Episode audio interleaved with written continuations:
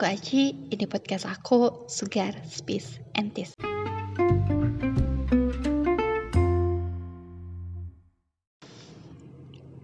Halo, di episode kali ini aku mengajak lagi teman aku yang juga sekaligus murid aku. Kalau kemarin aku ngajakin Aul, sekarang aku ngajakin kenalin dong. Ayo kenalan dulu, namanya siapa, terus kelas berapa, terus jurusan apa? Halo, nama aku Safira. Aku sekolah di SMK. Aku di SMK ini yang berita jurusan tata busana. Deg-degan ya, Fir? Dia ini adalah salah satu murid yang cukup pintar untuk pelajaran aku juga, ya kan? Terus juga dia adalah uh, salah satu murid aku yang paling banyak konsultasi tentang puisi karena dia nih seneng nulis puisi. aku jadi ingat masa-masa aku waktu SMA ya. Jadi dulu waktu SMA itu percaya atau enggak, ketika teman-teman aku yang lain sangat membenci puisi, aku sendiri yang baca antologi puisi sampai uh, beberapa antologi puisi. Pokoknya semua antologi puisi yang ada di perpustakaan itu sudah aku babat habis. sampai segitunya aku dulu suka sama puisi. Cuma nggak beda jauh sih sebenarnya. Dari dulu sampai dengan sekarang jadi dulu waktu aku SMA sampai sekarang sih sebetulnya, jadi aku tuh bukan tipikal orang yang seneng show up ya, Fir. Jadi uh, tahu kan show up. Jadi aku tuh tidak begitu suka untuk menunjukkan diri aku gitu. Padahal aku tuh sebenarnya sih ya dari dulu aku tuh sering banget nulis puisi. Cuma aku nggak suka apa ya jadi puisi itu tuh hanya sebagai uh, pelampiasan aku aja dari perasaan aku limpahan perasaan aku dan aku merasa dia anak-anak aku yang harus aku lindungi jadi makanya aku tidak apa ya tidak menunjukkan puisi-puisi aku ke banyak orang.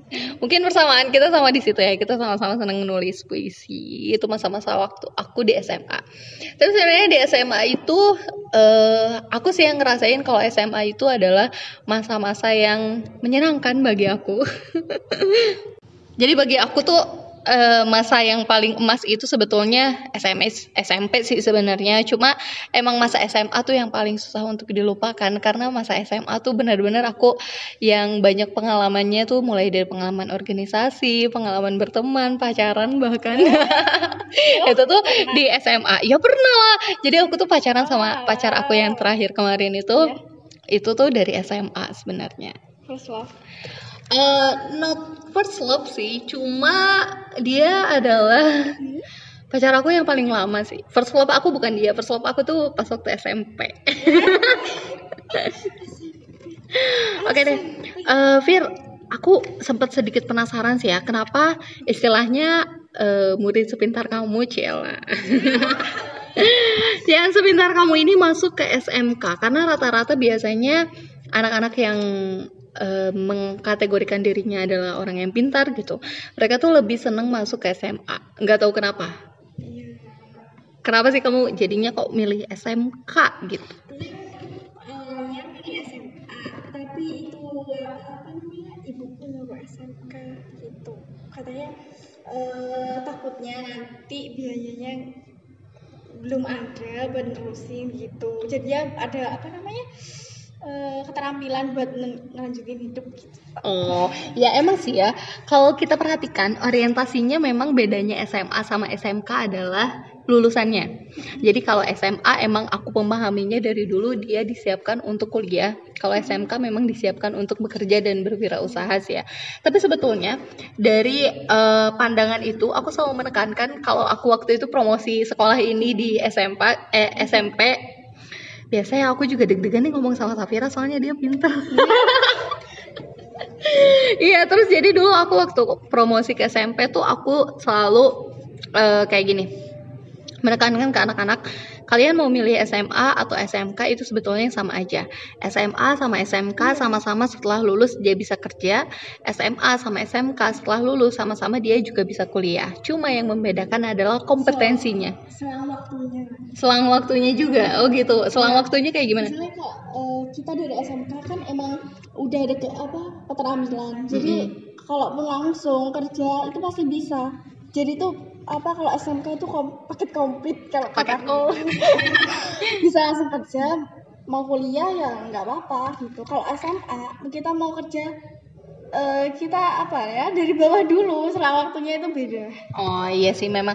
Jadi kalau kalau ya aku memahaminya sih aku menekankan ke anak-anak SMP juga mau SMA mau SMK sama-sama bisa kuliah sama-sama bisa kerja. Tapi yang membedakan tadi ya benar kata Safira kompetensinya karena kalau SMK ini memang dipupuk dari apa ya? Dari semenjak sekolah emang udah disiapkan untuk bekerja dan dari sejak sekolah disiapkan untuk bisa punya keterampilan berwirausaha juga gitu. Jadi bukan cuma sebatas bekerja tapi juga bisa buka usaha sendiri. Sedangkan kalau SMA kan mereka lebih banyak ke pengetahuannya memang disiapkan untuk kuliah gitu. Makanya dulu tahu nggak sih?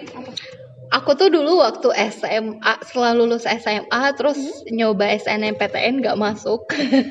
terus aku nangis kejer terus abis gitu mama aku bilang eh Aci jangan nangis, gak apa-apa katanya. Terus tapi aku masih nangis. Terus habis itu kata mama aku, mama juga sebenarnya bingung sih. Kamu kalau lulus nanti kerja, kamu mau kerja apa? Dengan badan kamu yang sekecil itu. Jadi dulu, dulu eh, jadi badan aku dulu tuh cuma 39 eh 38 kilo waktu pas lulus SMA tuh. SM eh pas kuliah baru dia 39 kilo. Bayangin dong aku dengan tinggi 156 dengan berat cuma 38 makanya bapak aku juga ikut nangis. Kamu mau kerja apa? Katanya. Kayak gitu. terus akhirnya eh, dengan izin Tuhan ya akhirnya aku juga bisa lulus di negeri dan akhirnya aku bisa kuliah sih sebenarnya. Gitu. Kalau kamu hmm, kenapa? Tapi kalau misalnya yang bedakan misalnya masuk universitas gitu Mm-mm. kadang itu orang tuh anak SMA gitu anak SMA SMK Oh ya, iya, iya biasanya gitu karena kan memang orientasinya tadi ya. Iya. Kalau SMA itu memang disiapkan untuk kuliah, SMK itu disiapkan untuk bekerja atau berwirausaha. Makanya ketika masuk kuliah, kamu SMK ih gitu. Biasanya aku juga dulu ya waktu masuk eh kuliah itu kan rata-rata memang anaknya dari SMA. Jadi kalau ditanya pasti nanyanya SMA mana? Pas dia ngomong SMK terus langsung mengernyitkan dahi. Kok SMK gitu. Tapi ada kok sebetulnya eh, beberapa universitas yang dia menerima dari SMK kayak jurusan teknik. Jurusan teknik itu ada Iya di SMK-nya kan ada jadi linear gitu. Jadi memang eh, mereka yang jurusan teknik rata-rata sih seneng kalau anak-anaknya dari SMK karena kompetensinya jauh lebih tinggi SMK kan. Nah, Ah, ah. tapi dari SMA itu dididik buat jadi arsitek gitu diajari mulai dari ngetik tanpa ngeliat keyboard sampai Heeh. mau ke AutoCAD itu kan udah udah belajar gitu kan. Terus itu kan SM SMK-nya tuh aku mau ngambil di Gelagah, di Gelagah SMK Gelagah. Terus itu sama ibunya bilang gini, gak usah pekerjaan kamu. Aduh. Wah, aku pengen nangis. Memang ya sebenarnya itu tuh kayak semacam budaya patriarki nggak sih? Iya. Kalau aku memahami itu sih karena banyak banget sekarang pekerjaan yang seharusnya untuk cowok ya cewek nggak boleh ikut dalam Iya. Kerjaan itu gitu. Bahkan pemikiran mereka tuh selalu kayak gitu. Padahal sebetulnya kerjaan cowok juga bisa dikerjain cewek. Kerjaan cewek juga tidak menutup kemungkinan buat bisa dikerjain cowok gitu. Kayak misalnya make up artist kan identiknya dengan cewek gitu ya. Ya tapi Kebanyakan eh, eh, malah sekarang yang cowok tuh malah lebih lebih keren make up artisnya dibandingkan yang cewek gitu. Jadi sebetulnya lebih luas. Eh, eh, sebetulnya pekerjaan apa pun ya mau cewek mau cowok sebenarnya tidak mengenal gender asalkan orang tersebut memang mumpuni di bidang itu ya nggak sih Iya. terus akhirnya setelah kamu nggak jadi masuk ke teknik emang dulu mau teknik apa sipil Iya sipil. Iya terus Itu oh kalau di SMK teknik tata kok tata apa tata ruang ya kalau nggak salah ada sipil. Oh, emang ada di sipil di Gelaga. Oke. Terus akhirnya setelah nggak lulus nih. Eh, bukan nggak lulus, setelah nggak jadi. oh, boro-boro lulus ya. Boro-boro nggak lulus. Ikut tesnya aja belum.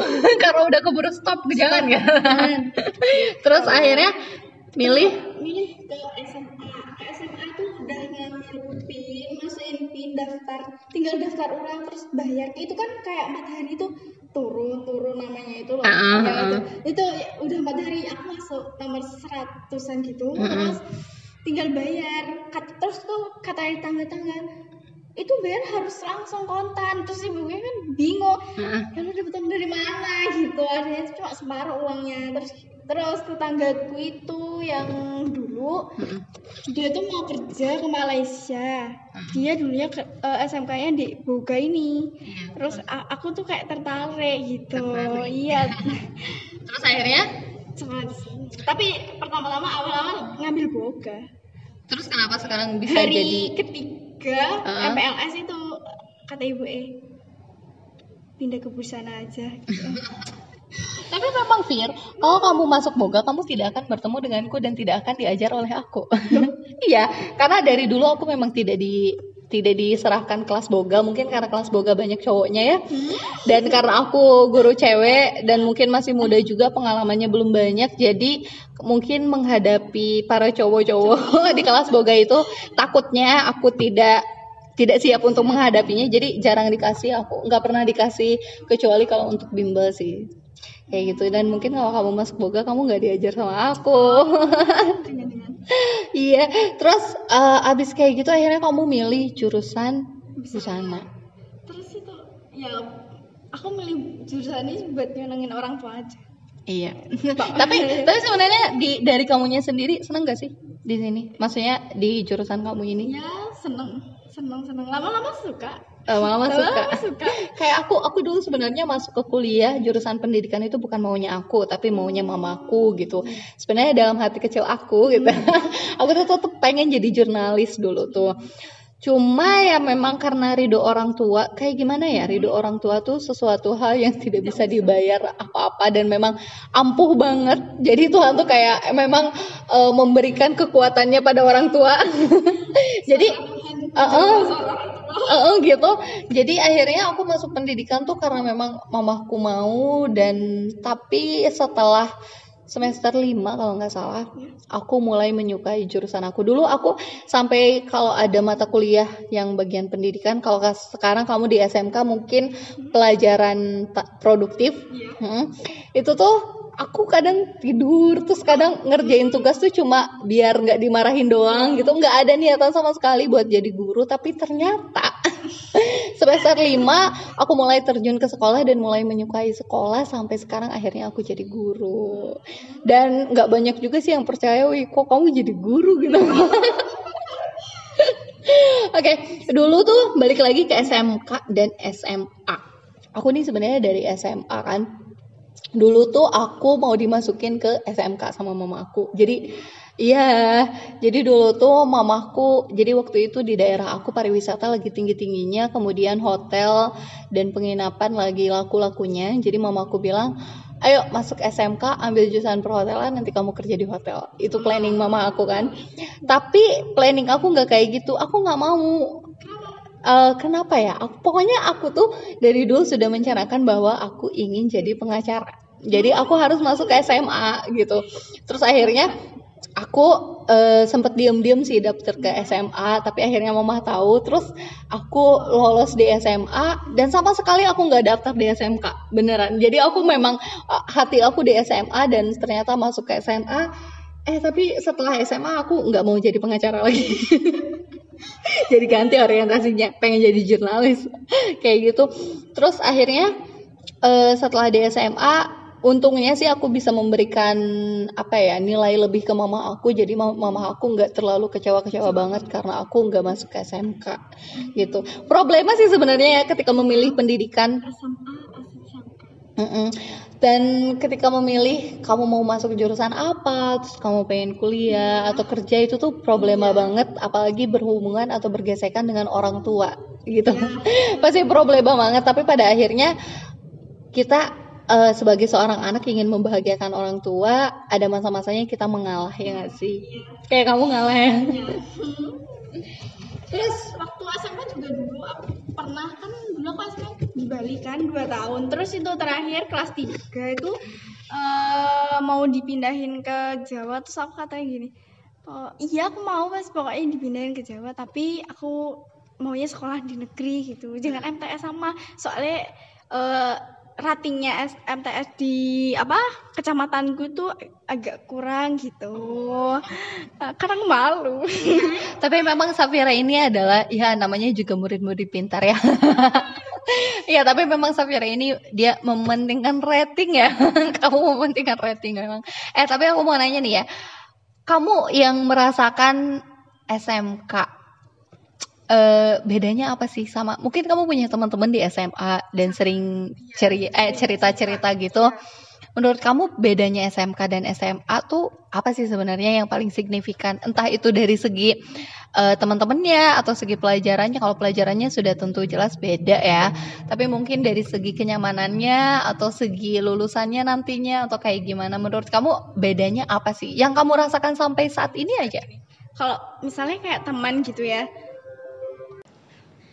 kalau misalnya temen gitu ya eh aku lebih suka temenan sama anak SMK sih bisa diajak sharing. Terus orangnya tuh nggak canggung kalau misalnya misalnya gini ada temennya mau maju tuh so ya mendukung gitu. Nggak malah ngejudge gitu. Kalau misalnya SMA mungkin karena aku SMK jadi kayak dia anak tirikan udah sana sana gitu Karena mungkin merasanya ah anak SMK nih nggak pinter-pinter banget gitu. dan apa eh pandangan turun menurun kayaknya ya ini. Itu kalau anak SMK itu pasti dipandang nakal. Nakal. Nakal. Tapi kalau SMA anaknya tapi kalau SMA anaknya baik-baik pinter pasti. Itu adalah stigma masyarakat. Memang sih ya sebetulnya eh, kayak stigma masyarakat itu akhirnya turun menurun dan melekat. Padahal sebetulnya mau SMA mau SMK tergantung anaknya juga. Mau nakal atau enggak pinter atau enggak itu tuh semuanya tergantung anaknya juga. Ya sih?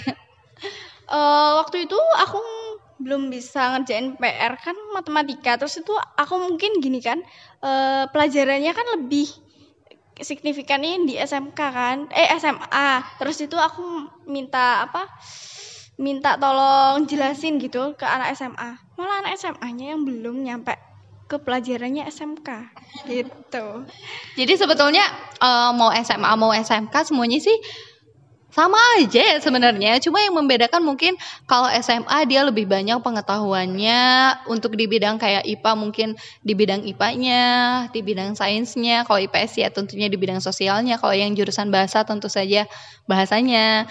Tapi kalau di SMK memang mereka lebih banyak di produktifnya. Sebetulnya bagi aku sih ya, mau SMA mau SMK sama aja sih, tergantung kenyamanannya kalian ya nggak sih? aku tuh kadang heran sama anak SMA itu kan dia tuh lebih fokus sama pengetahuan nah waktu itu pernah bukan waktu itu sih sering aku ngerjain tugasnya anak SMA gitu Ya, jadi semuanya memang tergantung dari orangnya sebenarnya ya. Ya nggak sih, bukan permasalahan dia SMA atau SMK-nya, bukan permasalahan itunya atau bukan permasalahan SMA-nya bagus, SMK-nya bagus, tapi semuanya tuh tergantung pada orangnya, ya nggak sih? iya emang tergantung pada orangnya. Dari sekolahnya juga pengaruh teh. Gitu. Dari kualitas sekolah ya. pengalaman gitu. Waktu itu aku UN SMP aku kan SMP nya MTS gitu. Aku tuh kayak ngerasa gurunya itu yuk gini loh eh, ada bimbingan emang ada. Terus itu gurunya yuk habis bimbingan itu ya udah itu. Itu yang aku yang aku mampu berikan dari kamu itu ya itu. Udah gitu. Sampai aku tuh nangis terus nyari nyari soal ke guru-guru negeri itu terutama matematika. Tapi memang iya sih, apalagi problema swasta sih ya mungkin Fir. Eh, sedikit buka eh, apa ya sedikit. Enggak bukan honor. Kalau honor itu ditutup aja ya Jin sedikit eh, buka rahasia tentang guru-guru karena memang ada beberapa guru-guru yang memang saya akui kompeten tapi ada beberapa guru yang kurang juga. Tapi sebetulnya eh, bergantung pada kemampuan sekolahnya juga kadang ada sekolah yang bisa mampu mengembangkan gurunya ada yang gurunya mengembangkan sendiri ada yang memang gurunya ya udah gitu pasrah pasrah dengan kemampuan dia. Sekolah tidak mendukung untuk berkembangnya dia terus dianya juga pasrah ada mungkin yang kayak gitu. Eh, dulu MTS ku di Bali Denpasar itu kalau ngajar udah nggak manual kayak gini dia pakai proyektor dan aku pindah ke apa namanya Banyuwangi. Itu masih manual. Ya kan nggak biasa. Aku kaget gitu. Tapi memang iya sih. Jadi itu tadi fasilitas sekolah dan lain sebagainya yang mendukung perkembangan guru juga. Karena sebetulnya di sekolah itu bukan hanya siswa yang uh, belajar. Enggak maksudnya bukan hanya siswa yang dia bisa mengembangkan dirinya belajar dan lain sebagainya. Sebetulnya di sekolah juga guru dalam pekerjaannya juga ikut mengembangkan dirinya kayak gitu sih Fir. Makanya benar-benar mau guru mau sekolah fasilitas sekolah juga memang harus. Apa? Dan aku lebih kaget lagi itu waktu waktu dulu kan aku MTS itu kan pernah ikut lomba olimpiade gitu, olimpiade biologi. Terus itu kan cara ngajarnya gurunya juga eksak gitu teh Nah, pas pindah ke MTS ini, aku tuh bingung cara ngajarnya tuh baca buku. Ya udah, terus aku bilang kayak gini di hatiku tapi ini tahu gitu ngapain sekolah? Aku bisa belajar di rumah gitu.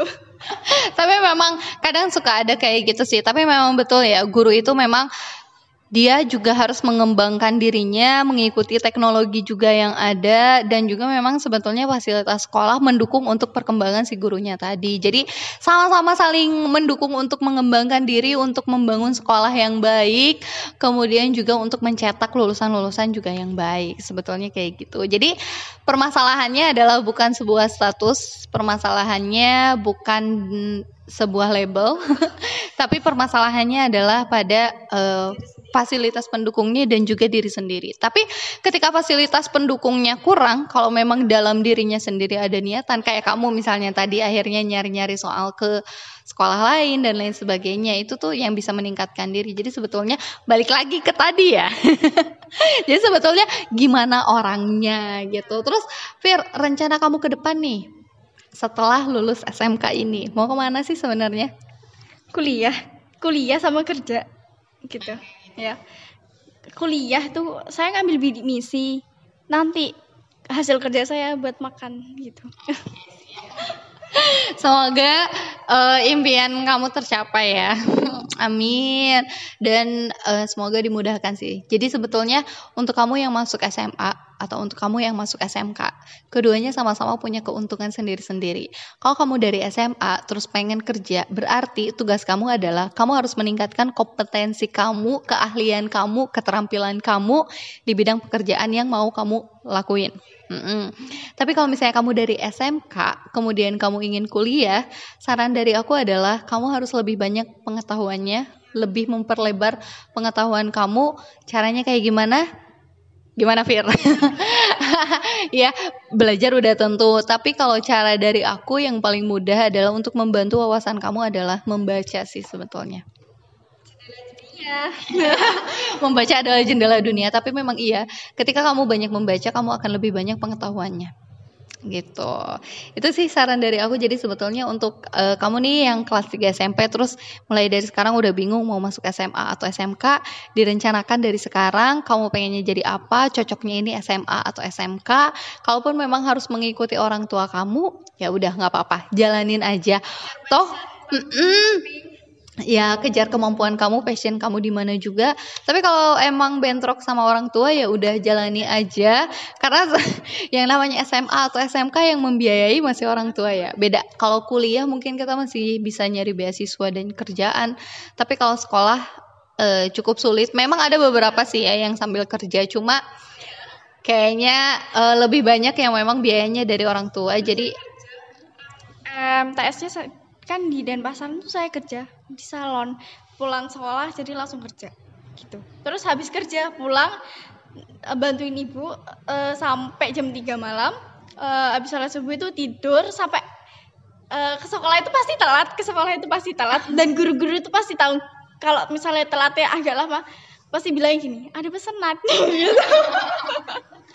Tapi aku juga waktu masa SMA sih ngebantuin mama aku buat ikut jualan juga di sekolah. Aku masih ingat nama donatnya tuh donat ceria. Jadi aku bantuin mama aku buat jualan donat. Ada kok aku sempat posting di blog cerita aku menjual donat itu. dan memang mm, itu sih tambah-tambahan uang jajan aku juga dan untuk nabung aku juga karena aku juga pengen kuliah kan. Jadi sebetulnya mau SMA mau SMK jalani aja karena kedua-duanya punya keuntungan sendiri, punya kekurangannya sendiri. Tadi udah aku bahas sebelumnya juga. Terus kalau misalnya memang mau mengikuti orang tua, ya senangkanlah orang tua kasih orang tua prestasi yang kalian torehkan gitu ya. Walaupun tidak sesuai dengan passion kamu atau tidak sesuai dengan keinginan kamu, tapi selama itu bisa membahagiakan orang tua, why not gitu. Ya nggak sih? Aku sih berpikirnya seperti itu. Karena nanti setelah kamu dewasa di luar masa SMA atau masa SMK, kamu sudah bisa menentukan pilihan kamu sendiri. Nah, di situlah kamu udah harus mulai mengembangkan passion kamu, bakat kamu, minat kamu dan lain sebagainya. Misalnya orang tua itu enggak setuju, uh, kan kita punya apa namanya kepercayaan masing-masing. Ya bantu dengan doa. Boleh apa kalau misalnya kita nggak berani menentang dengan omongan kita menentang dengan doa kita. Ya biasanya Tuhan selalu memberikan jalan untuk uh, mengabulkan keinginan kita entah di waktu sekarang atau di waktu nanti. Ya kan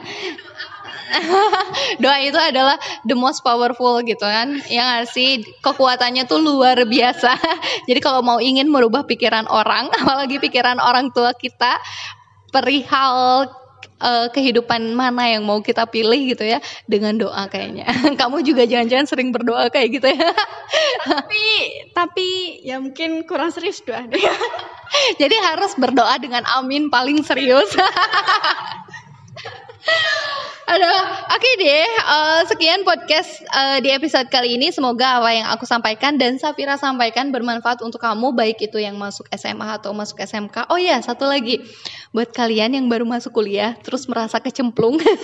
Karena dulu aku waktu kuliah pernah merasa kecemplung. Uh, uh, pernah merasa salah jurusan. Eh kamu di SMK juga mungkin pernah ngerasa kecemplung ya, ya sih?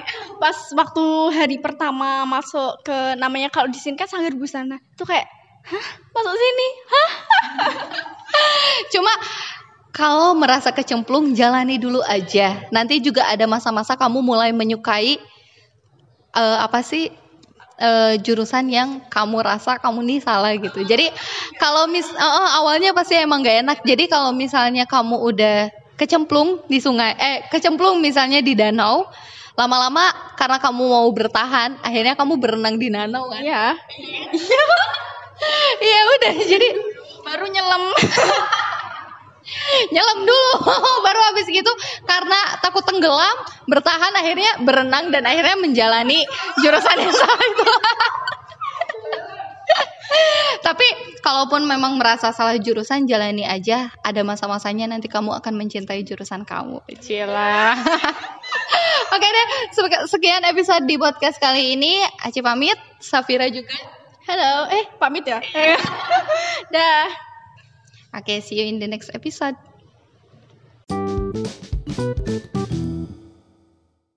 Aku mau minta maaf kalau ada kata-kata aku yang salah atau menyinggung kalian ya. Aku mau berterima kasih karena sudah mendengarkan podcastnya Aci. Jangan lupa untuk mendengarkan podcast Aci di episode yang lainnya ya. See you in the next episode. Bye.